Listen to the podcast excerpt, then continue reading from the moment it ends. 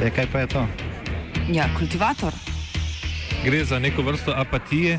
To lahko reče samo kreten, noben drug. Socialni invalid in ga je ne mogoče urejati. Drugi kandidat. Pa, eh, pa pije, kadi, masturbira, vse kako ti lahko reče. Nihče tega ne ve. Vsak petek skultiviramo dogodek tedna. Lahko po kriterijih radio študent, težko pa po evropskih kriterijih. Ampak na drug način, kot vi tu mislite. Kultivator vedno užge. da pač nekdo sploh omenja probleme, ki so in da pravzaprav sploh nekdo sproži dogajanje uh, v družbi. To drži, drži.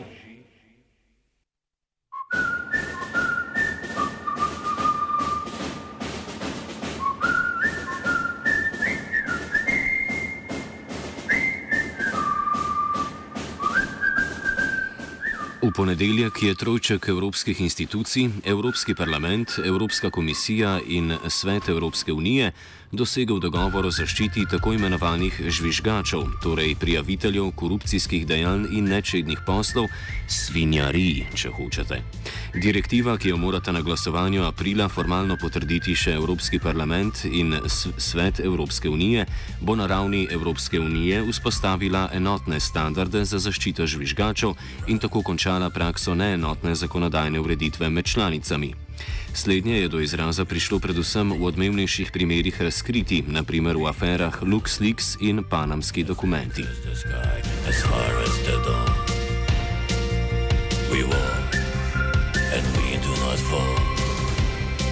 Izvor izraza žvižgač sega v 19. stoletje, ko se je v anglosaških državah povezoval z osebami, ki so javnost opozarjale na bilo kakšno nevarnost. Današnjo sodobno definicijo pojma oziroma težave z njim predstavi Alma Sedlar iz organizacije Transparency International Slovenija. S to definicijo je res kar veliko težav, namreč tudi ne samo v Sloveniji, kot velja tudi na mednarodni ravni, nekako univerzalna definicija žvižgača in žvižgaštva v bistvu sploh še ne obstaja. Definicija, tako je nekako najbolj široko uporabljena, se je z leti razvijala. Tam nekje od leta 85, ko sta dve znanstvenici v bistvu postavili prvo in sicer po tisti naj bi bil to pač zaposleni, ki opozarja na nepravilnosti v povezavi z delom. Potem se je pa s časom ta definicija nadgrajevala, tudi vse do danes, v bistvu tudi sami stajo ti avtorici. No, kot pa kaže praksa, tudi v zakonodaji eh, je pa to zelo različno urejeno. Tudi zato je ta direktiva oziroma predlog direktive tukaj bolj dobrodošel, ker bo vsaj to nekako uredil tudi vsaj na evropski ravni ker je kar precej zmede in posledično pač ima vsaka država nekako čisto svojo ureditev. Tudi zato, ker, defini, ker v bistvu univerzalna definicija še ne obstaja.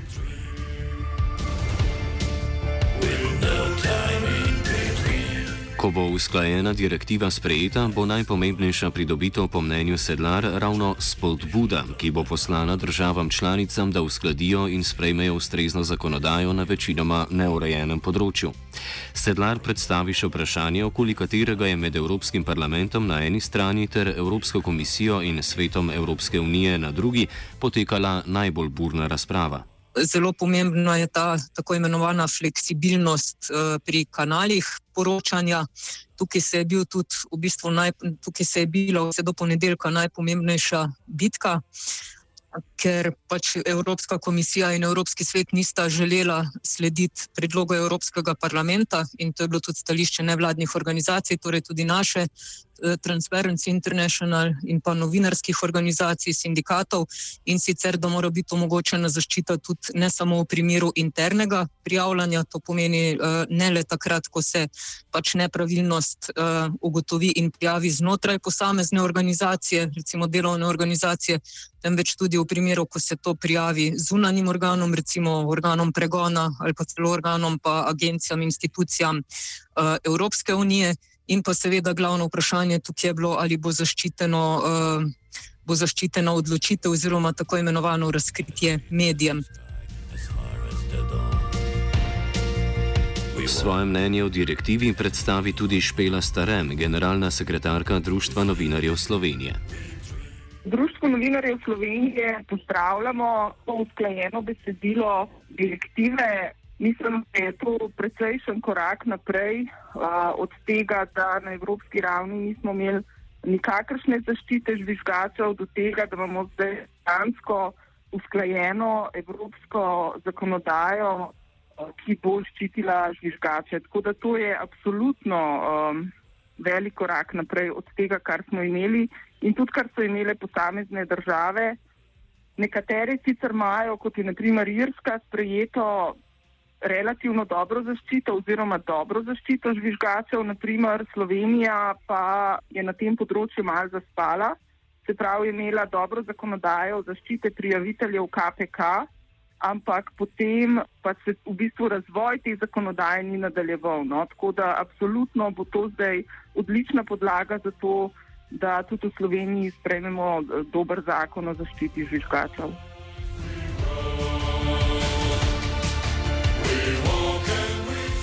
Direktiva sicer predvideva, da prijavitelji svoje opažanja o nezakonitih aktivnostih sporočijo zaupniku znotraj organizacije, v kateri delujejo, ali pa se obrnejo na pristojne organe. Ta možnost predstavlja prva dva kanala direktive. Direktiva določa, da lahko žvižgač po tretjem kanalu, to je, da se obrne neposredno na javnost, poseže le v treh primerih. Prvič, ko je že izčrpal prva dva kanala, drugič, ko meni, da je ogrožen javni interes in je zato treba ukrepati nemudoma, in tretjič, ko meni, da pristojni organi svojega dela ne bi opravili, saj so v konfliktu interesov in zato obstaja nevarnost uničenja dokazov. Tretji kanal in svoje videnje le tega predstavi stare. Tretji kanal so pa mediji. Ne? In vemo, da so zelo velike in odmevne zgodbe, uh, kot so naprimer Panama Papers ali pa LuxLeaks, so žvižgači uh, informacije in podatke posredovali neposredno medijem. Seveda so bili v preteklosti zaradi tega tudi pač tarče vseh možnih povračilnih ukrepov, tudi sodnih postopkov. In na tem področju bi si mi želeli um, še večje zaščite oziroma zaščite žvižgačev, tudi takrat, ko se obrnejo neposredno na medije. We rise, we grow. Stare še povdari, da je definicija za uporabo tretjega kanala preveč nedorečena in da bo le to določila šele sodna praksa, kar pa lahko traja kar nekaj časa. Ampak kar nas pri tem skrbi je, ne, da bo še veliko časa pretekel, preden se bo vzpostavila neka sodna praksa in da to predstavlja zelo veliko tveganje pravno za žvižgača. Se pravi, žvižgač bo mogel imeti zelo veliko nekega znanja ali pa bo izpostavljen velikemu tveganju, ker ne bo jasno, v katerih primerih ne, je dovoljeno se obrniti direktno na medije. Tako da tukaj lahko sicer tudi uh, Slovenija to popravi, zato ker je direktiva vse en ta minimalen standard. Ne? In v bistvu v uh, naši nacionalni zakonodaji lahko to se tudi izboljša in se žvižgače še bolj zaščiti tudi v primeru, če se obračajo neposredno na medije. In zato si bomo mi tudi absolutno prizadevali, ko bo prišlo do implementacije direktive v slovensko zakonodajo.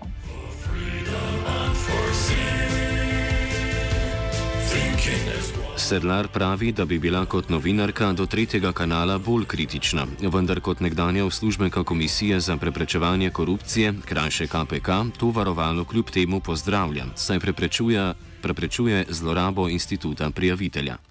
Uh, ja, skratka, če me pa vprašate kot bivšo funkcionarko KPK, pa nekoga, ki se še vedno, seveda, oziroma se, ja, ki se še vedno ukvarja z področjem preprečevanja korupcije, Eh, bi pa glede na številne primere, ki sem jih v bistvu spremljala, pa tudi raziskovala, rekla, da je vseeno kar prav, da, da so neki pogoji, pod katerimi se pač žvižgači lahko obrnejo na medije, ker drugače bi lahko zelo hitro prišlo tudi do zlorabe v drugi smeri.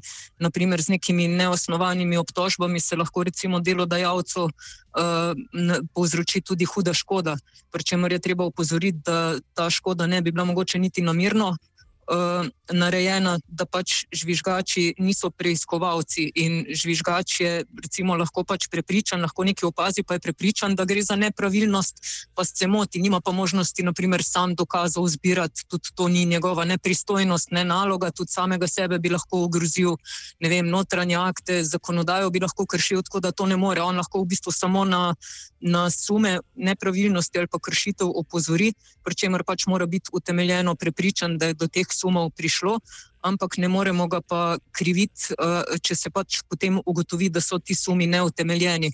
Ampak za to preiskovanje so pa potem pristojni drugi, ne samo žvižgač. Če do dogovora med deležniki ne bi prišlo, bi bila to po mnenju sedlar izpuščena priložnost, saj bi predlog direktive tako moral čakati na naslednji sklic parlamenta, ki pa bi pogajanja lahko otežil oziroma upočasnil. Trenutna zakonska ureditev zaščite žvižgačev spada pod pristojnost Komisije za preprečevanje korupcije. Podrobnejšo ureditev predstavi predsednik KPK Boris Štefanic. Torej, eh, zaščito prijaviteljev opredeljuje kot eh, poglavje eh, naš zakon, se pravi zakon o integriteti in preprečevanju korupcije. Eh, in eh, to je posebno poglavje z naslovom zaščite prijaviteljev. To poglavje vsebuje eh, štiri relativno obsežne člene in govori o postopkih, ki jih komisija izvaja v primeru, da dobi prijavo in da sam prijavitelj tako ocenjuje ali pa komisija tako oceni, da je dobro tega prijavitelja zaščititi, kakšne postopke moramo izvesti pa seveda tudi posledično, kakšne postopke v smislu zaščite tega prijavitelja in pomoč pri njegovi zaščiti prijavitelju nudimo v primeru, da so zopr njega uvedeni kakšni posledični ukrepi. Veliko krat se dogaja kakšna, kakšna eh, odpoved pogodbe od zaposlitvi in tako naprej. E, skratka, to je m, po moji oceni relativno dobro e, urejeno v našem zakonu. Štefanec predstavi še, kako KPK postopa v primeru, da se na nje obrne prijavitelj oziroma žvižgač.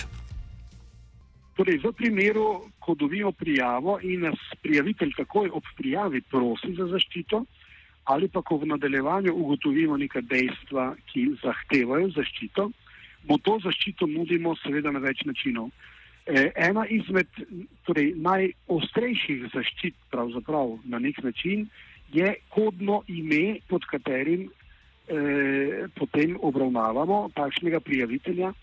In za eh, osebo, ki se skriva pod kodnim imenom, ne ve na komisiji nihče drug, razen strokovni sodelavec, ki na zadevi dela. On mu tudi da kodno ime. O eh, osebi, ki se skriva za zaščito, eh, identiteta te osebe ni znana niti predsedniku komisije. To so sicer, moram reči, relativno redki primeri, morda jih je nekaj na leto, e, ampak v tem primeru seveda mora iti za relativno resne stvari, tudi seveda prijavitelj zahteva takšno zaščito in v tem primeru mu seveda to zaščito dajemo.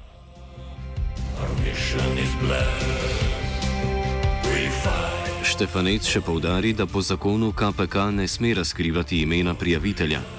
Tudi v primeru, ko pridobljene podatke posredujejo drugim organom, kot so policija ali sodišče, morajo za razkritje identitete prijavitelja najprej pridobiti njegovo soglasje.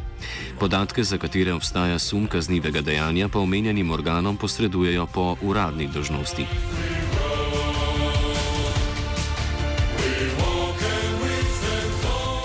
Svoje videnje o slovenski zakonodaji na tem področju predstavi tudi sedlar, ki opozarja, da so bili postavljeni temelji dobri, vendar se jih s časoma ni nadgrajevalo.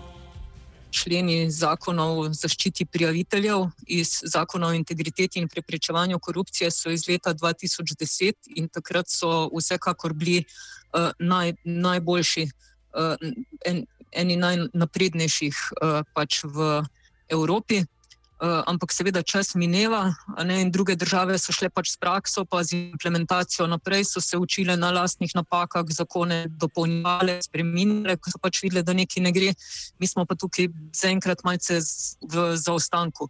Tako da mislim, da je zdaj enostavno treba pač prilagoditi, uh, prilagoditi uh, tudi zakonodajo in sam sistem pač trendom, ki veljajo. V svetu je pa to področje, na katerem so se pač nekih univerzalnih odgovorov, kot sem že na začetku rekla, v bistvu ni in še manj jih je bilo pred nekaj leti. Tako da tudi tukaj v bistvu Slovenija ne moramo ravno kriviti, da tega še ni ustrezno uredila, ampak ja, zdaj pa je zadnji čas, da pa bi.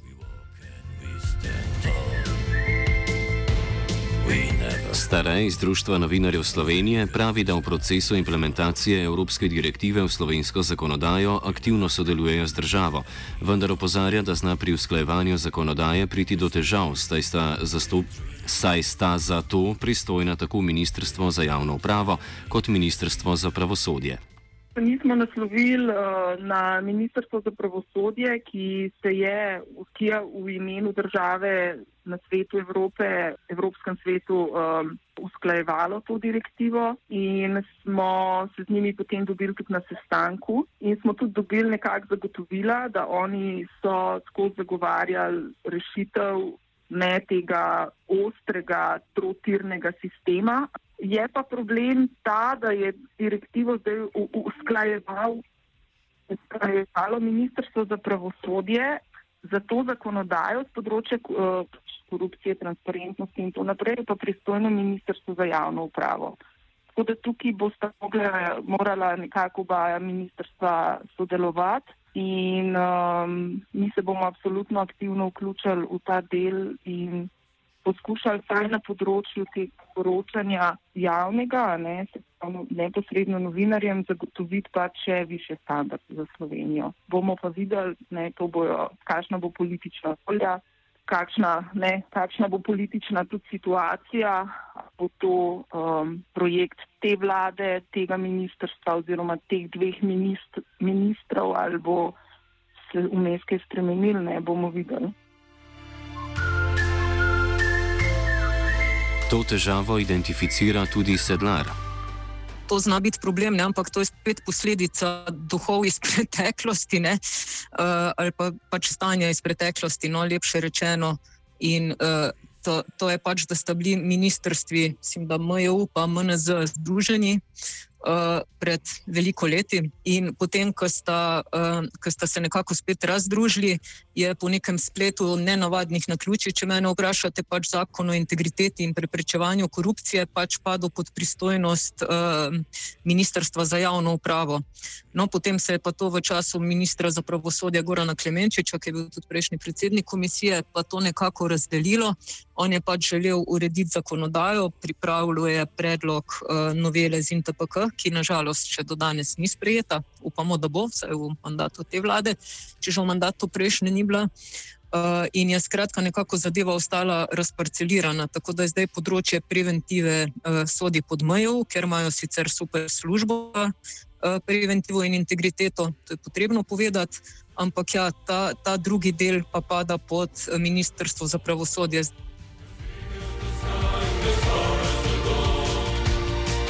Štefanec kljub vsemu pravi, da bo do implementacije evropske direktive, ko bo ta sprejeta, s časoma vendarle prišlo, bodi si v obliki novele zakona, bodi si v obliki novega zakona.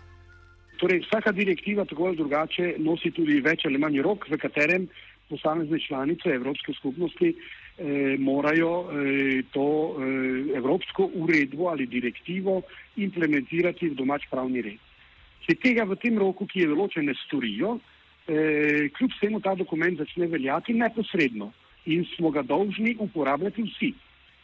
Jaz seveda verjamem, da bo posledica eh, tega evropskega dokumenta oziroma direktive eh, tudi neka reakcija v našem pravnem redu, pravi, ali bo to eh, dopolnjen na zakon, na zakon je ravno ta trenutek tudi odprt in se pogovarjamo o noveli, ali bo to nov zakon o zaščiti prijaviteljev ali kakorkoli že. In temu se bo seveda komisija prilagodila.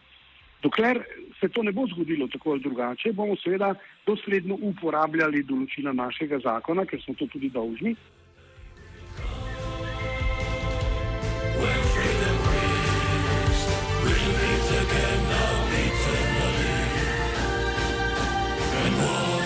V pričakovanju žvižgaške pomladi je kultiviral žiga.